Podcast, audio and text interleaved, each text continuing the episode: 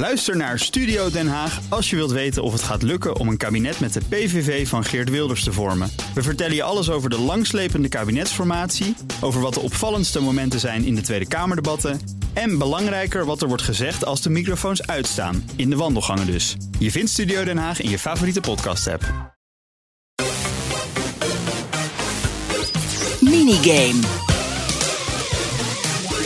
Tijd voor weer een nieuwe en heel bijzondere minigame. Want we gaan een. Nou, hij is nog niet uit, maar binnenkort komt hij uit. The Legend of Zelda Tears of the Kingdom. En die gaan we natuurlijk bespreken met de Zelda-fan van de BNR-redactie.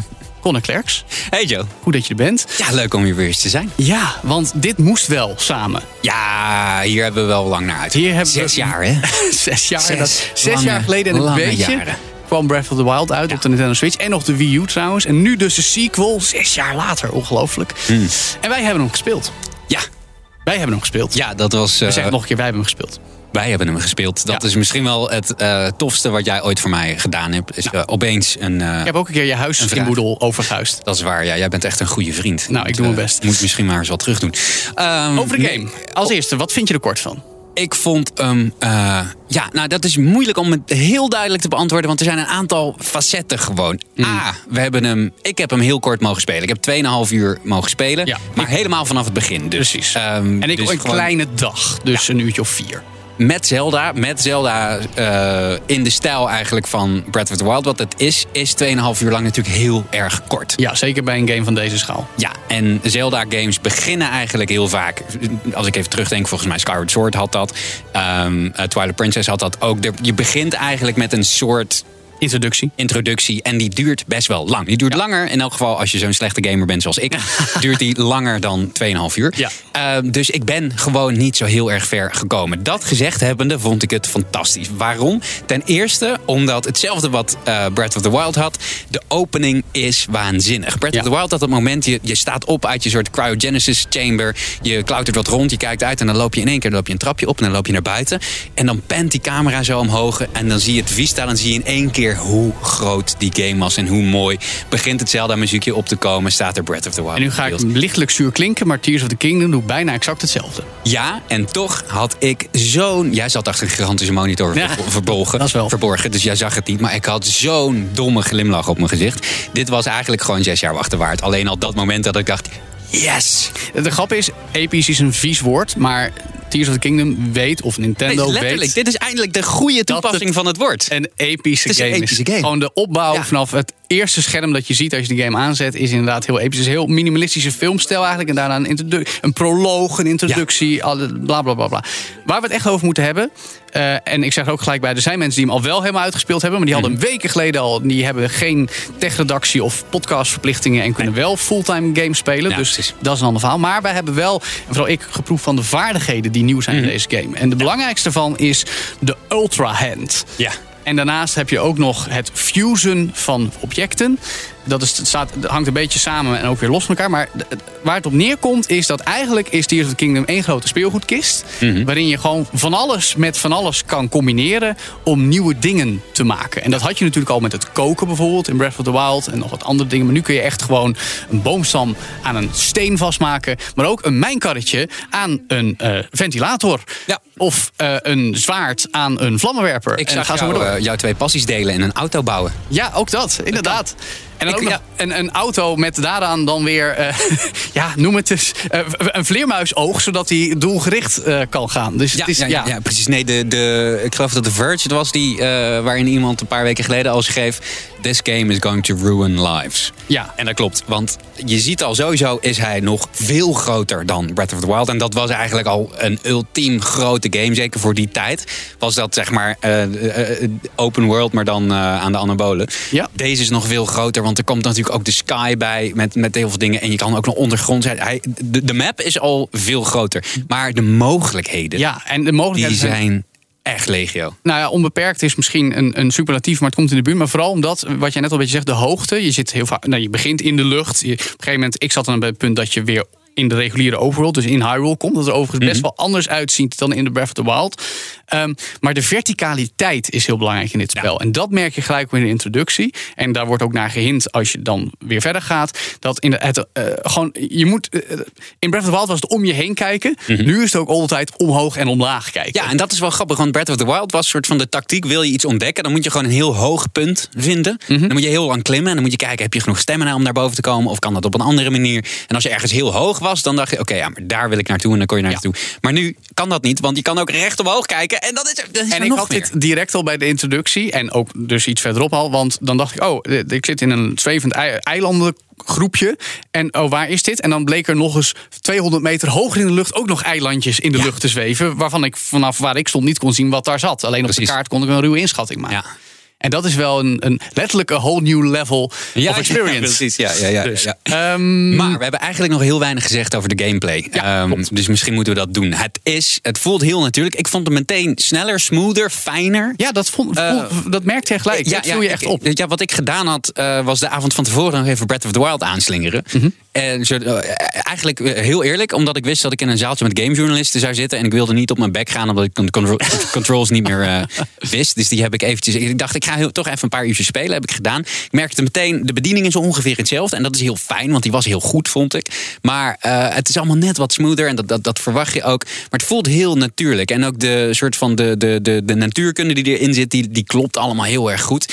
En ja, het is gewoon weer. eh, het is niet precies meer van hetzelfde. Het is gewoon een mooie extra laag volgens mij op een, een game die al heel geslaagd was. Zeker als je het mij vraagt, eh, gewoon een hele, hele goede game.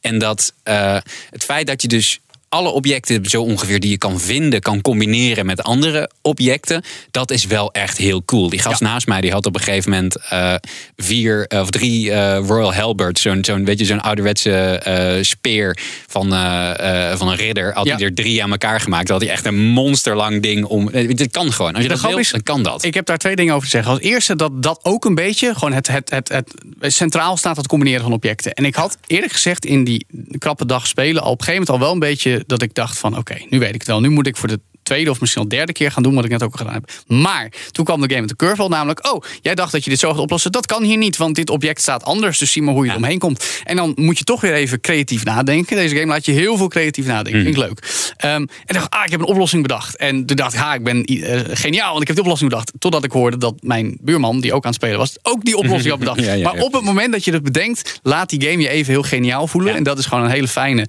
eh dopamine shot, zou ik maar zeggen. Eh, wat ik ook heel geestig vond. Ik was dan voorbij het instructiegedeelte. Ik was lekker in de open wereld van Hyrule aan het klooien. En ik heb dit jou laten zien. Ik dacht, hey, ik zie wielen, ik zie hout. Ik ga een auto bouwen. Dus ik had een auto gebouwd.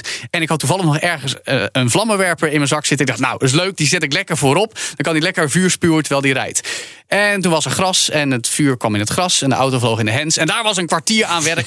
letterlijk in rook opgegaan. Ja, dat was een mooi moment. Dat was wel geestig. Ja, dus ja. dat vond ik wel leuk. Ehm jij hebt er zo ook wel een beetje kunnen knutselen, bootje bouwen, ik heb dat soort dingen. geknutseld, net vlot, vlot gebouwd. Eh, veel dingen waarvan je denkt van, oh, zou dit zo werken? Die, die blijken dan wel ongeveer te werken. Niet alles, maar dit is ook wat, wat je zegt, dat er, er, er zijn vaak wel meerdere oplossingen. Ja. Ik ehm, zat er nog over na te denken over een punt waar ik niet verder kwam.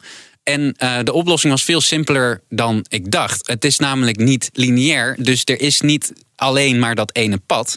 Ik kwam niet verder omdat ik geen oplossing had eh, bedacht voor dat pad. Maar ik had ook gewoon ergens anders kunnen gaan Ja, kijken. gelijk in de Als introductie. ik ergens anders was gaan kijken, dan had ik... Ja. Maar dat is dus heel vet. Dat Ja. je dus gewoon weer nog een extra laag op dat, dat ontdekken van Breath of the Wild... Wat, wat die game zo ontzettend mooi maakte. Dat er gewoon nog meer... Je hebt zoveel meer vrijheid nog. Zeker. En ik denk wel dat het mijn vrijheid heel veel gaat kosten. Want ik denk dat ik echt de komende maand of langer misschien wel heel weinig buiten ga komen. Ja, dat is in ieder geval één ding. Dat is goed om te weten. Want we gaan natuurlijk in de komende aflevering van Ondergame nog heel veel over deze game praten. Want ja, in de tijd die wij eraan hebben kunnen besteden, hebben we niet zo heel veel mee kunnen krijgen. Twee dingen wil ik sowieso nog kwijt nu op dit moment. Als eerste, we moeten het gewoon benoemen, want het is by far het grootste nadeel aan deze game. De Nintendo Switch is te oud. En Oh. underpowered. Want als jij in een boom klimt en je hebt de blaadjes in beeld en je hebt een object vast, dan gaat de framerate, dus de beeldverversing, echt door de helft. Dan zie je gewoon de vertraging in beeld. Ja. En zeker als er nog wat meer gebeurt. En zeker met al die grote afstanden. En weet je, het is heel mooi dat je in de lucht kan. En over het algemeen gaat het goed. Maar je merkt gewoon de slowdown. eh, op het moment dat die game meer moet laten zien dan het kan. Ja. Ja. Jij hebt er blijkbaar minder last van gehad. Je bent- wat minder kritische hardcore gamer. Heel erg min, veel minder Ja, kritisch. maar eh, mij op viel het gelijk. Ja, ja, ja, nee, dat kan ik me voorstellen. Nee, ja, dat is natuurlijk wel een heel groot verschil tussen bijvoorbeeld een Switch en. eh, ik weet niet, zat jij op die up, geüpgrade Switch? Nee, ik had mijn eigen Switch mee. En dat is nogal een, een, een- niet een OLED-model. Het model Nee, ja, ervoor. dus hij ja. is niet heb- Ik heb krachtiger. ook die oude. Precies, in principe zijn ze ook allemaal niet per se krachtiger. Maar het is een beetje ironisch dat de opvolger van de game die bij de lancering van de Switch uitkwam, eigenlijk te veel eist. Weet je, er heeft zes jaar tussen gezeten. en en eh, op het eerste gezicht lijkt er niet zoveel verschil visueel, maar toch is het er wel. Het tweede ding wat ik wil aansnijden, dat blijft een beetje vraag, omdat we nou eenmaal ja, niet meer dan vier, vijf uur gespeeld kunnen hebben. Mhm. Het verhaal. Wat ik tot nu toe heb meegekregen, is, prikkelt me meer dan Breath of the Wild. Daarbij was het een kritiekpunt was dat je iets te weinig meekreeg over wat is nou eigenlijk gebeurd in de wereld. Ja. Weet je, af en toe hoorde je wat was een filmpje. Bij Tears of the Kingdom is er iets meer interactie met andere figuren. Ja. Maar ik weet niet of ik meer of minder wil wat ik verwacht. Maar ik, in een andere podcast zei ik laatst juist nog. ehm, dit is zo'n Zelda, weet je, die, die, die speelgoedkist zou ik maar zeggen, hartstikke leuk.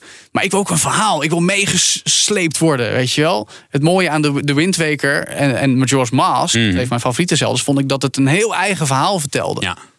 En ik, ik, ik, wat zijn jouw verwachtingen daarvan? Want jij gaat hem nu, nu die bijna uit is, of uit is, ga je ook veel meer spelen. Wat wil jij van het verhaal van Tears of the Kingdom? Dat is een hele goede vraag. Of je gewoon dat ik, klooien? daar- ah, ik wil eigenlijk gewoon een beetje klooien. Ik vond het niet zo super erg bij Breath of the Wild. Ook omdat soort van de centrale premisse is natuurlijk iedereen is dood. Hmm. Ehm, en er lopen nog een paar, eh, een paar ontdekker, eh, on- ontdekkingsreizigers en eh, scavengers lopen daar rond. Maar die weten eigenlijk ook allemaal niks. Nee. Eh, en daar, daarom heb ik me er zelf misschien niet zo heel erg aan gestoord. En ik vond de, de, eh, de cutscenes die in Breath of the Wild zaten... Met, met, met, met zeg maar de lore en de achtergrond van dingen... vond ik best wel mooi gedaan. En ook dat met, natuurlijk met die, met, die eh, overleden heroes die je dan nog kon spreken... Ehm, wat me tegenstond bij Breath of the Wild was als mensen heel lang aan het woord waren in het Engels. Dat, dat, dat was een keuze. Ik, eh, het was niet, niet per se mijn eh, favoriete keuze, maar was natuurlijk wel nodig. eh, om, om, om, misschien om, om, om dat verhaal op die manier te vertellen. Ja. Ik heb er niet super veel verwachtingen bij. Ehm, ik vond wel, naar, zeg maar, de interactie. Er is, ja, dat mogen we best vertellen, toch? Er is er gewoon een nieuw, eh, nieuw volk bij. En Ja. eh, er zijn ook nieuwe robotjes boven die jou van alles eh, Oh willen ja, vertellen. zeker. Ja, ja, ja. Eh, de technologische revolutie heeft in- op een hele rare manier plaatsgevonden in, dit, Ja, eh, precies. in deze ja, ja, wereld. ja. Het bleek eh, dat er vroeger veel meer eh, technologie... Dat wisten we eigenlijk al van Breath of the Wild. Hè. Da- Daar, daar zat je ook, was je ook vooruit in de tijd gegaan... maar achteruit in, in de ontwikkeling. Ja, op een hele gekke Ehm, manier. Ja, en, en dat is hier ook wel een beetje. Maar ik, ik vond het tot nu toe eigenlijk wel, wel tof. Ik, eh, je, je krijgt in de introductie al meteen... eh, ehm, De tools, De tools, dit- ja, en je hoort ook eh, eh, eh, van Zelda dan, eh of all people... eh, ehm, een beetje hoe dingen zitten. Ik ben wel benieuwd. Het is die, die, die, die achterliggende verhaallijn is voor mij niet het belangrijkste. Maar ik ben wel heel benieuwd hoe het, eh, hoe het gaat zijn. En of, of ik het inderdaad leuk ga vinden of dat ik eh, daar eigenlijk doorheen wil skippen. Want Nou dat is het- wel eens zo geweest. Met We gaan het merken. We gaan in ieder geval allebei. En ik denk met ons heel veel luisteraars en andere gamers duiken in deze speelgoedkist. En Ja. ontdekken hoe diep het eh, Ja, verhalende gedeelte ervan En over eh, 17 maanden, als ik eindelijk de main story heb weten uit te spelen, dan, eh, dan, eh, dan spreken we elkaar weer. Daarom, nou ja, we gaan het in ieder geval eerder al over hebben in On The Game. Maar voor nu is dit in ieder geval wat we je wilden vertellen over de nieuwe The Legend of Zelda Tears of the Kingdom.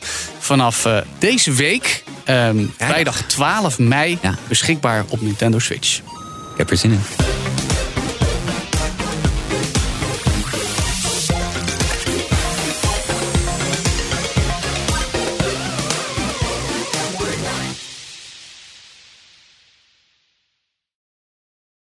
Ook Hugo Reitsma vind je in de BNR-app. Superhandig die BNR-app. Je kunt alle programma's live luisteren, breaking nieuwsmeldingen. Je blijft op de hoogte van het laatste zakelijke nieuws. En je vindt er alle BNR-podcasts, waaronder natuurlijk de belangrijkste, Boeken zijn in de wijk. Download nu de gratis BNR-app en blijf scherp.